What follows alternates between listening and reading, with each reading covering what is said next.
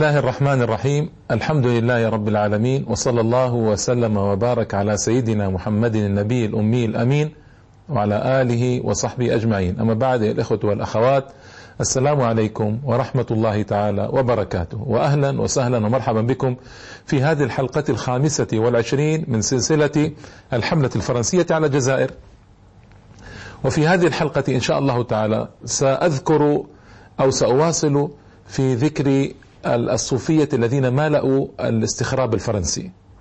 ذاك أني في الحلقة الثالثة والعشرين ذكرت موقف الصوفية الجيدين المجاهدين العاملين.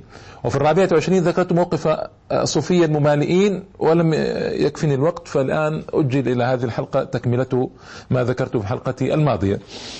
آه، يقول الأستاذ الدكتور عمر فروخ وهو أيضا رجل مؤرخ ومعروف يقول يجب أن لا نستغرب إذا رأينا المستعمرين يقصد المستخربين لا يبخلون بالمال أو التأييد بالجاه لطرق الصوفية.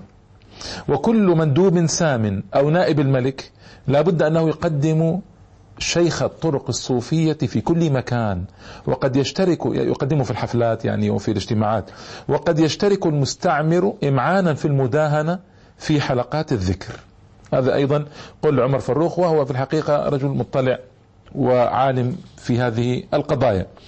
آه، أيضا أحد المؤرخين الفرنسيين يقول أصبحت كلمة المرابطين والمرابط يعني صاحب الزاوية أو من يرابط في الزاوية العبادة تدل على الجهل والتخلف. أصبحت هذه الكلمة تدل على الجهل والتخلف. وكذلك أصبحت تعني المؤيدين للاحتلال والإدارة الفرنسية. ويقول أحد الحكام الفرنسيين إن أفضل وسيلة للسيطرة على الشعب الجزائري هي التقرب من شيخ زاوية أو طريقة بمنصب أو بمال.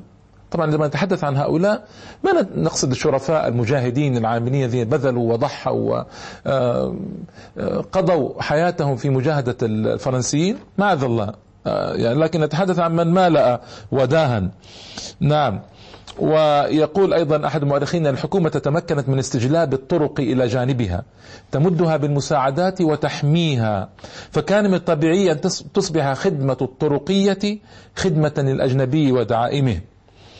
وعندما أيضا آه، طالبت آه، يقول آه، عندما طالبت فرنسا من الجزائريين تقديم الدعم والعون أثناء الحرب العالمية الثانية بادر مشايخ الصوفية في الدعم والمساندة. حتى أن أحدهم قال مشجعا أمام الناس قال أنا ما أستطيع صحتي تدهورت لكن هذه عشرة آلاف فرنك مني مساعدة لفرنسا وقال محفزا آخرين على دعم فرنسا أيضا. والأستاذ صابر طعيمة ومتخصص في الملل والأديان والفرق والمذاهب قال أعداء الإسلام القدامى والمحدثون أدركوا أن التجمعات الصوفية أي السيئة يقصد وإلا المجاهدة ما نريدها هنا أدركوا أن التجمعات الصوفية بمذاهبها وطرائقها وأورادها ومستويات شيوخها خطوط هجوم خطوط هجوم متقدم لهم أو ما يسمى في لغة الحرب النفسية الطابور الخامس يعيش في البيئات الإسلامية وذلك لعزل أجيال المسلمين عن أن تعيش الإسلام الصحيح. نعم هذا الذي حدث. وطبعا وما يقصد السنوسية المجاهدة النقشبندية المجاهدة الرحمانية المجاهدة في الجزائر وأمثالها من الطرق ما يقصد هذا إنه يقصد الطرق التي مالأت والتي عاونت. لذلك ابن باديس كان حريصا على حرب هذه الطرق الممالئة عندما جاء آه، وبدأ دعوته رحمة الله تعالى عليه أكثر من حرصه على أي شيء آخر في البدايات. بين يعني يدي في الحقيقة آه، آه، اعترافات خطيرة جدا. لابد أن أذكرها لكم سردا لأهميتها البالغة. في 23 واحد سنة 1350 هجرية يعني تقريبا 1930 ميلادي. آه، مراسل مجلة الفتح آه، ذكر هذا في مجلة الفتح التي يصدرها كان الأستاذ الكبير محب الدين الخطيب محب الدين الخطيب أستاذ كبير وكان في وأصله شامي وانتقل إلى مصر وأسس هذه المجلة المشهورة مجلة الفتح التي كانت لسان حال آه، كثير من العاملين والأدباء والصالحين والدعاة فيقول هذا المراسل في مجلة الفتح يقول نشرت جريدة La Presse Libre آه، وهي جريدة فرنسية استخرابية يومية كبرى تصدر في عاصمة الجزائر. في عددها الصادر يوم السبت 16 مايو آه، الموافق ل 28 ذي الحجة 1349 خطبة طويلة ألقاها الشيخ سيدي محمد الكبير صاحب السجادة الكبرى أي رئيس الطرق الصوفية المسماة بالطريقة التيجانية بين يدي الكولونيل سيكوني الفرنسي الذي ترأس بعثة من الضباط قامت بنزهة استطلاعية في جنوب الجزائر ومهدت La Presse Libre الخطبة بكلمة جاء فيها اسمعوا الكلمة لأهميتها أيضا. بعدما طافت هذه البعثة بعثة عسكرية جاءت من فرنسا إلى جزائر إلى مدينة اسمها الأغواط آه، سافرت إلى عين ماضي المركز الأساسي للطريقة الصوفية الكبرى التيجانية. ملبين دعوة رئيس هذه الطريقة المحترمة المبجلة الشيخ سيدي محمد الكبير. وبعدما تفرجوا على المدينة يعني قرية عين ماضي وعلى الزاوية ذهبوا إلى القصر العظيم الذي شيد بإعاز من السيدة الفرنسية مدام أوريلي التيجاني. هذه قصة يعني صعبة جدا سأذكرها إن شاء الله تعالى ربما في الحلقة القادمة لأهميتها البالغة. وفي ردهات هذه قصة امرأة فرنسية تزوجها رئيس التيجانية وكانت امرأة خبيثة لها كان لها أثر خطير في الطريقة التيجانية. وفي ردهات هذا القصر الرائعة آه، الجميلة أقيمت مأدبة فاخرة فخمة كبرى لهؤلاء الضباط ولنواب الحكومة العسكرية المحلية بالأغواط وعين ماضي. وفي أثناء شرب الشاي قام حبيبنا آه، حسن سي أحمد بن الطالب وتلا باسم المرابط سيدي محمد الكبير صاحب السجادة آه، التجانية الكبرى خطبة عميقة مسعبة للخدمات الجليلة الصالحة التي قامت بها الطائفة التيجانية لفرنسا وفي سبيل فرنسا من توطيد الاستعمار الفرنسي يقول واستخراب الفرنسي. وأحبكم دائما يا الإخوة والأخوات نستخدم هذه الكلمة الاستخراب الفرنسي الاستخراب الإنجليزي الاستخراب الهولندي هذه الصحيحة وتلا طبعا وفي تسهيل مهمة الاحتلال على الفرنسيين. وفي إشارات التعقل اسمع يسميها التعقل التي كانت تسديها هذه الطريقة الصوفية لمريد لمريدها من الأحباب. ثم قالت الجريدة وجريدة موجودة والعدد موجود أتريت لكم أو ذكرت لكم رقم العدد وتاريخ العدد ارجعوا إليه إن شئتم. ثم قالت الجريدة وحيث طلب منا نشر هذه الخطبة القيمة فإننا ننشرها فيما يلي وأوردت الجريدة جانبا كبيرا من الخطبة آه، كلها ثناء لا يحصى ولا يعد على فرنسا. فوصفها الخطيب بأنها أم الوطن الكبرى وانهال عليها مدحا وشكرا بما لا يخرج عن يعني عن ما نسمع دائما من الدعاة المأجورين.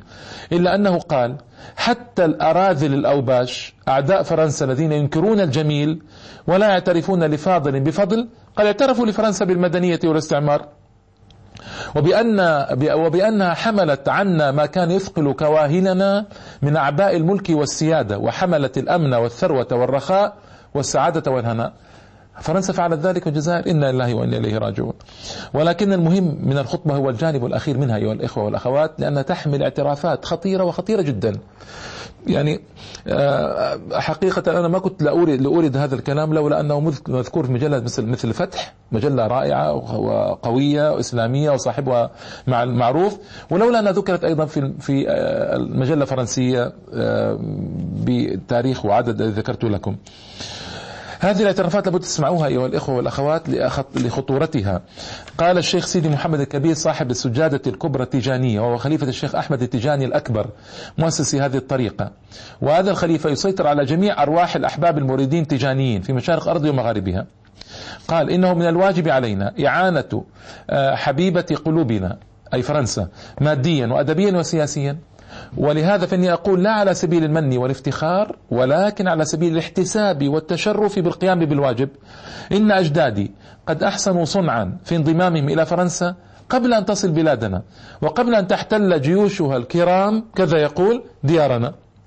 ففي سنة 1838 كان جدي سيدي محمد الصغير رئيس التجانية يومئذ أظهر شجاعة نادرة في مقاومة أكبر عدو لفرنسا الأمير عبد القادر الجزائري. إنا لله وإنا إليه راجعون.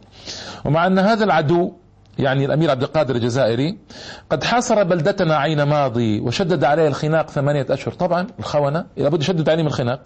فإن هذا الحصار تم بتسليم فيه شرف لنا. وجدي وأبي جدي يقول أبى وامتنع أن يرى وجها لأكبر عدو لفرنسا فلم يقابل الأمير عبد القادر. وفي سنة 1864 كان عمي سيدي أحمد صاحب السجادة التجانية يومئذ مهد السبيل لجنود الدوك دومال والدوك الدومالي هذا وابن نابليون الثالث هو خطير وله دور أثر خطير في آه، الجزائر وهو من المستخربين السفاكين السفاحين. مهد السبيل لجنود الدوق دوميل وسهل عليهم السير إلى مدينة بسكرة وعاونهم على احتلالها. إنا لله وإنا إليه راجعون. وفي سنة 1870 حمل سيدي أحمد هذا تشكرات الجزائريين للبقية الباقية من جنود ال tirailleurs ال tirailleurs الذين سلموا من واقعة ريتش هوفن وواقعة وايسامبور آه، ولكي يظهر لفرنسا ولاءه الراسخ وإخلاصه المتين وليزيل الريب وسوء الظن اللذين ربما ربما كان بقيا في قلب حكومتنا الفرنسية العزيزة عليه يعني يعني حيث كونه مسلما برهن على ارتباطه بفرنسا ارتباطا قلبيا فتزوج في أمد قريب الفرنسية الآنسة أوريلي بيكار التيجاني وبفضل هذه السيدة تطورت منطقة كوردان هذه ضاحية من ضواحي عين ماضي من أرض صحراوية إلى قصر منيف الرائع. والنظر لمجهودات مدام أوريلي التيجاني هذه المادية والسياسية فإن فرنسا الكريمة قد أنعمت عليها بوسام الاحترام من رتبة جوقة الشرف. أنعمت عليها بوسام الاحترام من رتبة جوقة الشرف. وسيأتي قصة هذه المرأة. آه طيب وطبعا آه قصتها يعني ما أريد أن أطيل الآن سأذكر قصتها فيما بعد. آه آه نعم. قال سيدي محمد الكبير وفي سنة 1881 كان أحد مقاديمنا مقدمينا سيدي عبد القادر بن حميدة مات شهيدا مع الكولونيل فلاترز. حيث كان يعاونه على احتلال بعض النواحي الصحراوية. وفلاترز هذا من أسوأ الجنرالات الفرنسيين العسكريين الفرنسيين أعني آه، سفكا للدماء وفعلا بإخواننا الجزائريين. فسي عبد القادر بن حميدة مات شهيدا معه. وأي شهادة هذه؟ أعوذ بالله. وفي سنة 1894 طلب منا جول آه، كوميون آه، والي الجزائر العام يومئذ أن نكتب رسائل توصية.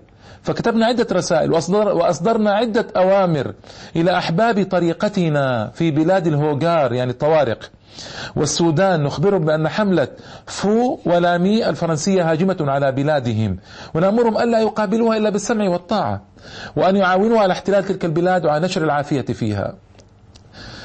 وفي سنة 1906-1907 أرسل ميسيو جونار والي الجزائر العام يومئذ ضابطه المترجم مدير الأمور الأهلية بالولاية العامة سيدي مرانت برسالة إلى أبي المأسوف عليه سيدي البشير فأقام عنده في زاوية كوردان شهرا كاملا لأداء مهمة سياسية ولتحرير رسائل وأوامر أمضاها سيدي البشير والدي.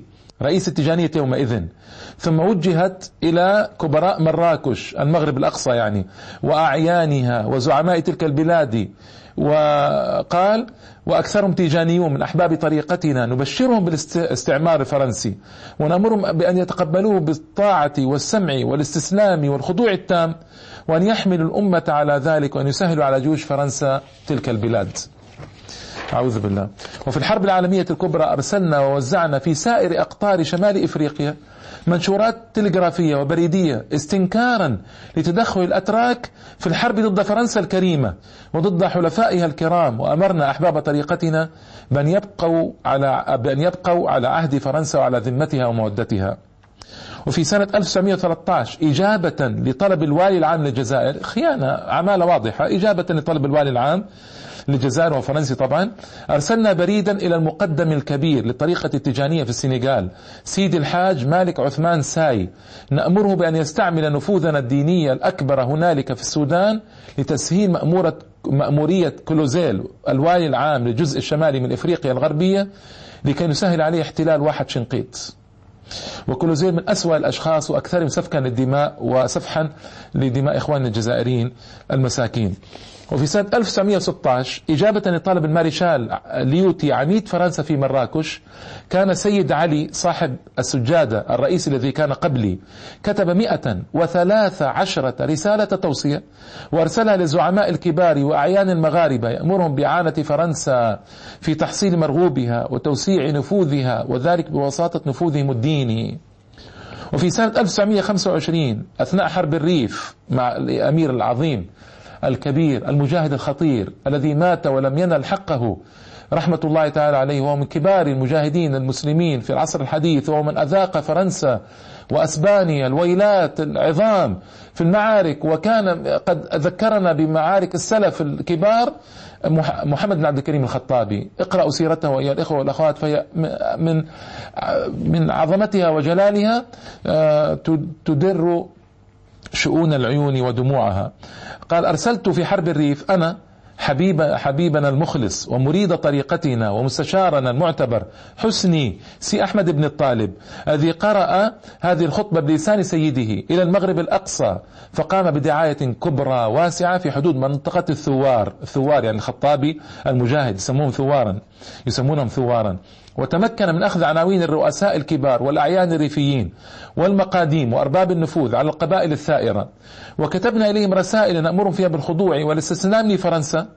وقد أرسلنا هذه الرسائل إلى مقدمنا الأكبر في فاس فبلغها إلى المبعوث إليهم يدا بيد. وبالجملة فإن فرنسا ما طلبت من الطائفة التيجانية نفوذها الديني إلا وأسرعنا بكل فرح ونشاط لتلبية طلبها وتحقيق رغائبها وذلك كله لأجل وذلك كله لأجل عظمة ورفاهية وفخر حبيبتنا فرنسا النبيلة. والله المسؤول أن يخلد وجودها بيننا لنتمتع برضاها الخالد. إنا لله وإنا إليه راجعون. ثم لما ختم خطبته هذه بالثناء العاطر على الموظفين الفرنسيين وعلى الضباط العسكريين واحدا واحدا ومدح الوالي العام الحالي ووصفه بأنه المستعمر الأكبر. وما أن انتهى الشيخ من خطبته حتى نهض ليوتنان كولونيل سيكوني رئيس البعثة العسكرية وشكر الشيخ وأثنى عليه. ثم قال له ومن كمال مروءتك وإحسانك يا سيد الشيخ المرابط أنك لم تذكر ولا نعمة واحدة من النعم التي غمرتني بها. فأنت الذي أنجيتني من الطوارق الملثمين. الله أكبر.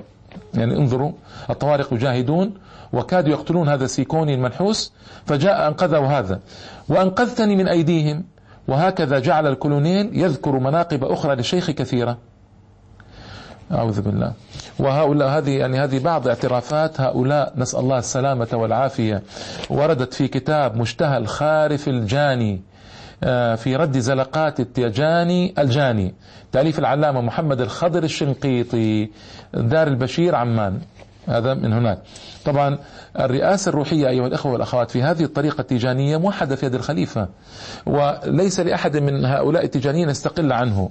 وفي الحقيقة نسأل الله السلام هذه اعترافات يعني قلت لكم لولا ورودها في الكتب المعتبرة وفي الفتح وفي جريدة اسمها La Presse Libre آه، جريدة فرنسية استخرابية يومية كبرى تصدر في عاصمة الجزائر في عدد الصادر يوم السبت 16 مايو 1929 أو 16 مايو 1930 لا أدري لأن هنا في التاريخ بالعربي 28 ذي الحجة 1349 1349 ارجعوا إليها لمن يريد أن يتأكد ويعلم هذه القصة الخطيرة في الحقيقة.